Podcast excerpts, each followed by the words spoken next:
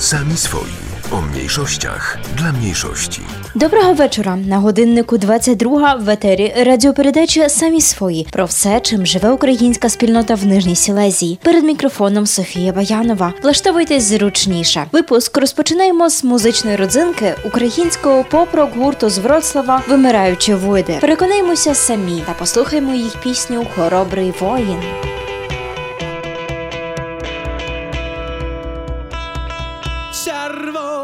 Цегла, і вікна, шукай під серцем калюжі світла,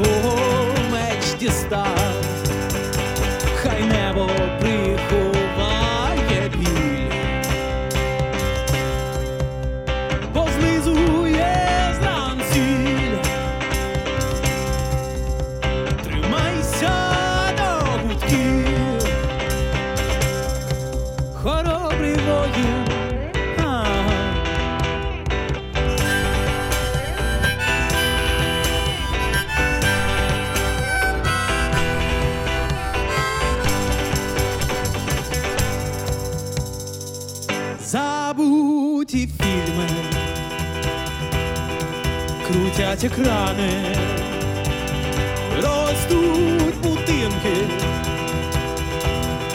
все йде за планом, не виглядаєш ти, як самурай або не поспішай. Тебе чекає димний рай, хай небо приховає біль.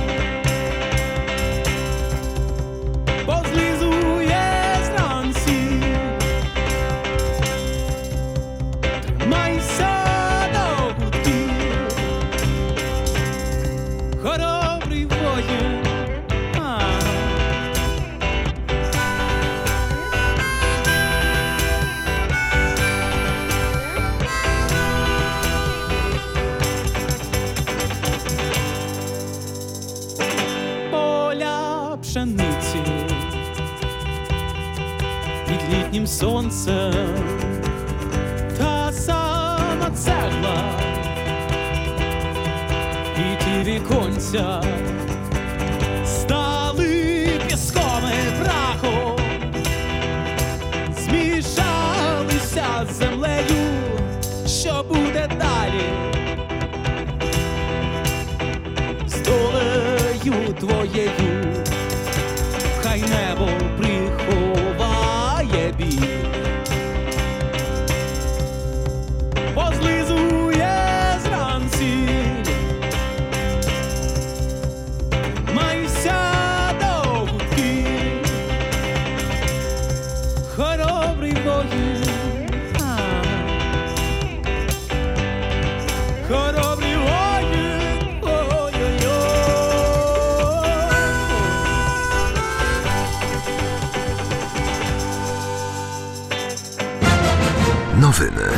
ковід 2 березня Міністерство здоров'я повідомило про виявлення в Польщі чергових 7937 випадків зараження коронавірусом. А за останню добу померло 216 інфікованих осіб. Одужало натомість 7171 особа. Від 26 лютого вступило в дію нове розпорядження, що продовжує карантинні обмеження в Польщі до 14 березня. Введено також зміни в питанні масок. Від 27 лютого ніс і рот можна закривати лише маскою. Костинки, захисні щитки і шалики не дозволені.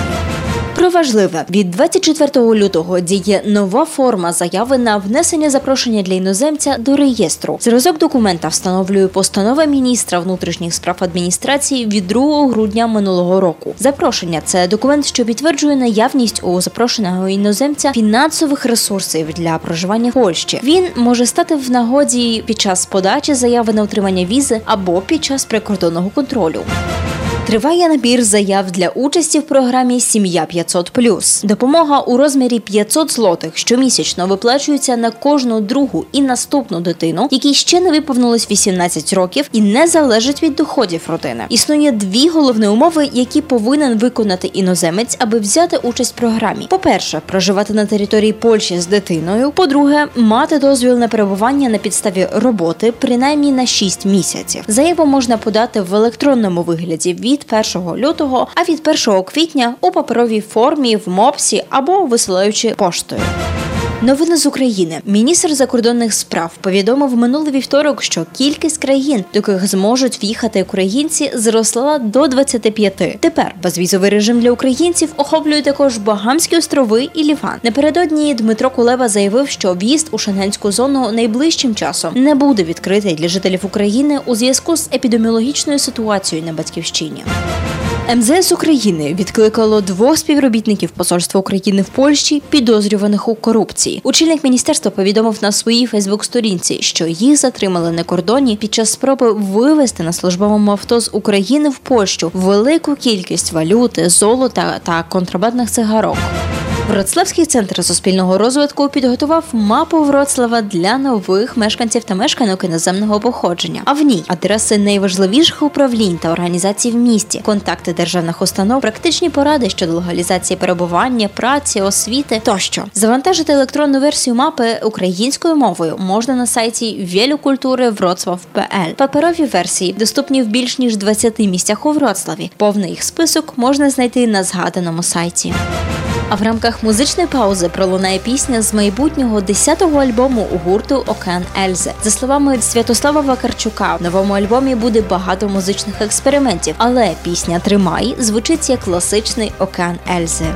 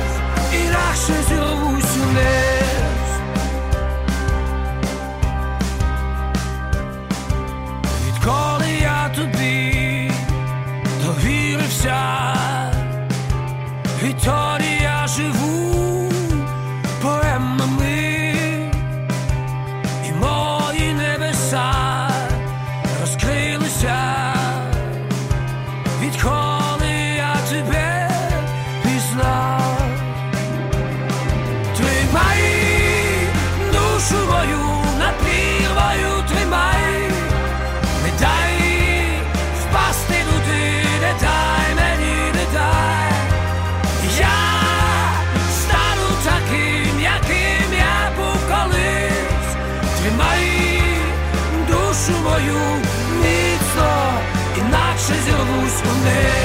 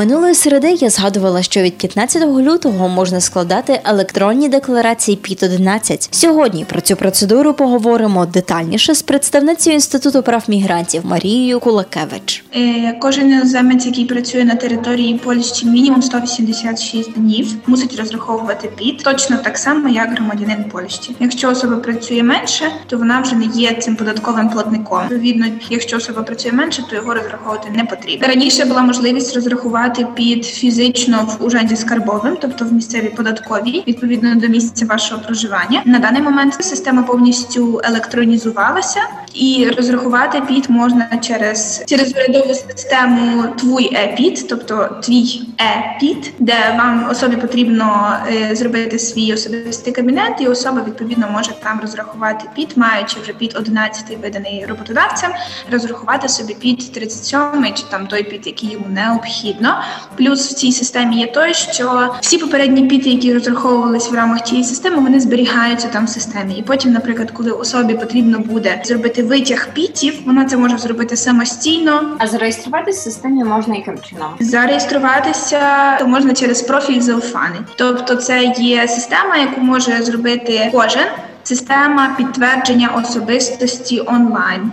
Створити профіль Зауфани можна реєструючись на сторіночці офіційній цього профілю Зауфаного, тобто особа просто заповнює свої дані, заповнює такий формуляр, і потім особа мусить звернутися до однієї з відповідних місць, де можна його підтвердити. Такими місцями є різні уженди, як можуть бути як ужонд міста, так і ужонд воєвудський, всі е, філіали ЗУСу. Роботодавець, коли розраховує податок, він отримує три версії піту. Одну версію він має віддати до ужанду скарбового, одну версію він має залишити для себе для подальшого підтвердження того, що він розраховував податки в разі перевірки за кожного працівника. І третю версію паперову він мусить віддати працівнику. Відповідь на те питання, чи студенти або особи до 26 років мають розраховувати піт, за яких не сплачується податок подохідний. Відповідь є дуже коротка. Вона є так. Кожна особа мусить його розрахувати. Загалом не завжди теж податок повертається, тому що часом сплачується така сума податку, яка є в кінці, наприклад, по розрахуванню, наприклад, була недостатня. Тому особа часом залишається після розрахування в мінусі, і вона мусить доплатити уженду скарбовому певну суму. Такого випадку, звичайно, з особами до 26, за яких не платиться подохідний податок, ситуації такої не трапляється. Натомість, просто як податковий резидент, особа до 26 мусить це зробити, щоб просто ужин скарбовий знав, що особа ось працювала, особа розрахувалася і немає жодних боргів перед е, ужендом скарбовим.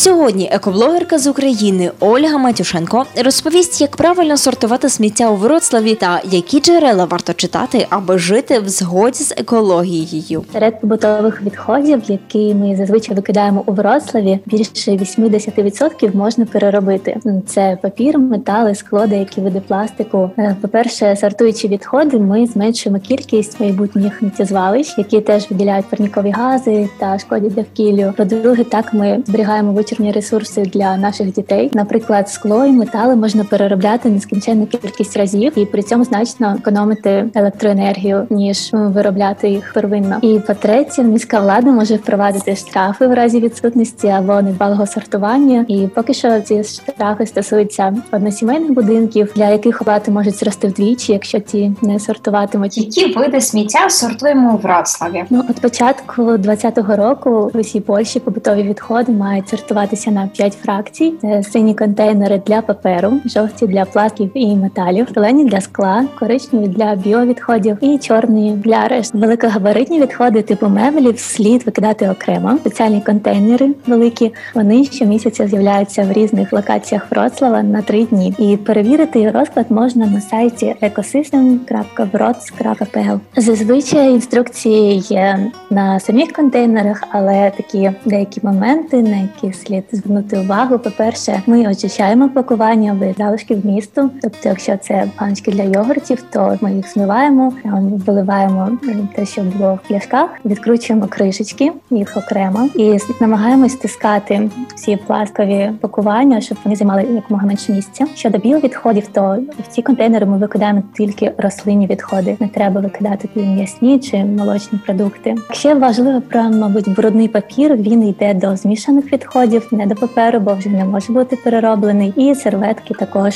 до змішаних відходів. Будівельне сміття, батарейки, ліки, лампочки, електронні пристрої. Де це все можна викидати? Часто контейнери можна знайти в супермаркетах, наприклад, для батарейок. Протерміновані ліки слід викидати в аптеках. Спеціальні контейнери для одягу є контейнери на вулицях або в магазинах, типу H&M. І кришечки від пляшок приймають, наприклад, в Ашані, або також контейнери є на вулиці в формі сердець. І всі ці та інші небезпечні відходи можна викинути в спеціальних пунктах, шоках або пункти селективного збирання відпадів комунальних. І їх в Вроцлаві 2, найближчі так до центра це на Яновській 51. І ще не потрібно, але свіжу їжу можна залишити в громадських холодильниках. Це лодовки сполечні. Їх можна просто знайти на Google картах або на сайті Wroclaw.pl. Які ресурси радите? Досить просто все нагуглити, особливо польською мовою, і вся необхідна інформація є на сайті міста Wroclaw.pl, там в розділі Środowisko. Також можна підписатися на групу Zero Waste Wroclaw, щоб ставити там питання, і на сайті також екосистем Wroclaw.pl. Українська музика стрімко розвивається та підкорює світові сцени. Саме тому пропоную першими послухати дебютний трек Мої слова від молодого виконавця Ігоря Бойко. Сяє насолода у твоїх очах, тримай її, бо вирветься як так. Коли я поряд, то тобі зриває дах. Коли мене нема, відчуй мій запах у вітрах. Я тут, дихни сильніше, хочеш ще більше, куди ще більше. Заповни все собою, я в твоїй голові руйную сірі будні, малюю світлі дні. Кольорові фарби завжди ношу при собі, розводжу їх з любов'ю у чистій воді. Я твоя опора, я твій імунітет. Бери у руки пензлик, намалюємо сюжет. Мої слова для тебе важать тону. Я твій масаж, я забираю втому. Якщо не вдасться тримати оборону, разом з тобою я впаду у кому, впаду у кому, витягну назовні і випливуть ці спогади любовні. Ми оживем, піднімемось безодні, будем теплом, зимові дні холодні.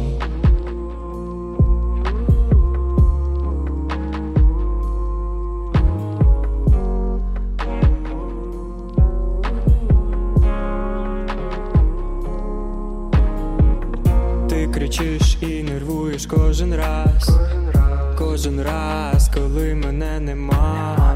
Я розрядився, мені потрібен час. Згадай мої уроки, це все не дарма.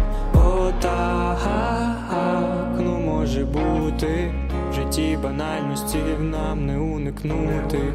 Лікуй мене, лікуй сильніше, сильніше обійми, цілуй ніжніше. Мої слова для тебе важать тону. Я твій масаж, я забираю втому. Якщо не вдасться тримати оборону, разом з тобою я впаду у кому, впаду у кому, витягну назовні і випливуть ці спогади любовні.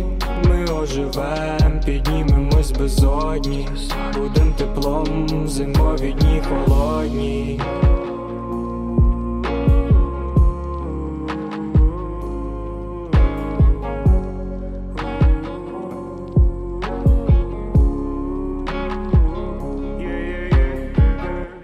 Sami swoi kulturalnie. Triszki kultury. Галерея Опенхайм запрошує на презентацію перекладу української книжки Чому в українському мистецтві є великі художниці. Гостями заходу буде перекладачка книжки Анна Лазар, менеджер польськомовного видання Ася Цісар та Катежина Козира, засновниця одноіменної фундації, завдяки якій книга доступна польськомовній аудиторії. Зустріч прийде 5 березня о 18.30 в гібридній формі. 15 осіб за попередніми записами зможуть взяти участь у заході стаціонарно в галереї. Решта гостей зможе долучитись онлайн до прямого ефіру на Фейсбук-сторінці Опенхайм.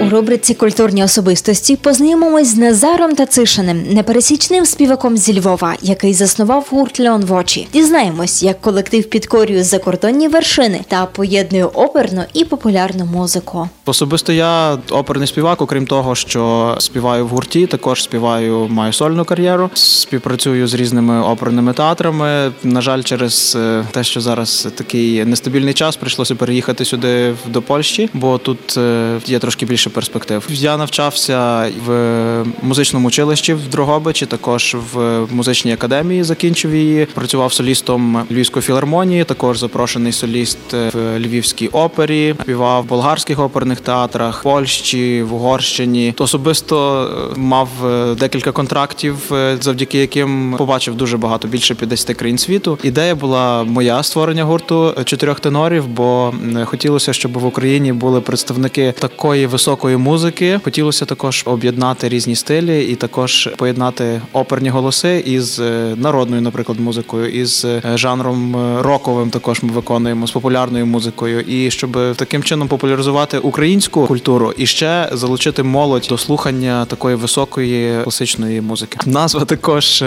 моя ідея. Назва складається із двох слів: Леон і Вочі. Леон це або Львів, або Лев, а Вочі це голоси, тобто голоси Львова або голоси Левів. І голоси Львова і Левів подорожують зараз цілим світом. Насправді Ми засновані в 2015 році. За цей час е, відвідали досить багато країн. Ми були найбільше так склалося, що ми гастролюємо в Польщі. Е, Практично в кожному містечку вже побували. Гастролюємо з симфонічним е, оркестром великим. Також із рок-бендом можемо співати. Також ми єдині універсальні чотири тенори, які співають акапельно. І дуже часто ми відставляємо в бік просто мікрофони і показуємо як справжні наші голоси. Ми брали участь в різних талант-шоу, зокрема в польському мам талент дійшли до півфіналу і зробили такий резонанс, трошки шуму наробили в Польщі. Також ми брали участь в українському голосі країни. Також пожинаємо з цього плоди. Є замовлення, цікавляться, бо на жаль, е, в Україні до голосу країни ми дуже мало виступали. Тепер трошки більше, але все одно левова частина наших виступів відбувається за кордоном.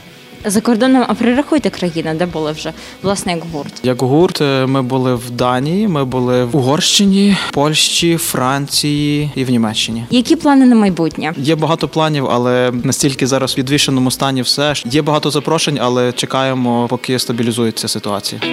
Хаят презентував нову пісню Крок. Як каже співак, якщо ви хоч раз в житті відчували мурахи по своїй шкірі, втрачали думки від дотику коханої людини, тоді йому вдалося достукатись до наших з вами сердець. Тож на завершення передачі пориньмо в його музичну пропозицію. Я натомість дякую за вашу увагу. З вами була Софія Баянова в передачі Самі свої. Бажаю вам міцного здоров'я і гарного вечора. До зустрічі незмінно в наступну середу. На добраніч. Сонце за обрій вже сіло давно, є безліч історій, та нам все одно, я ближче до тебе, до втрати думок, сягаємо неба, до нього лиш крок. Тримати себе нам не сила, на наслідки чхати хотів, ловити мурахи по тілу, усе розуміти без слів, вагаюсь, неначе уперше, та вабить невпевнений крок. Моє заплямоване серце нарешті зробило ковток. Я прошу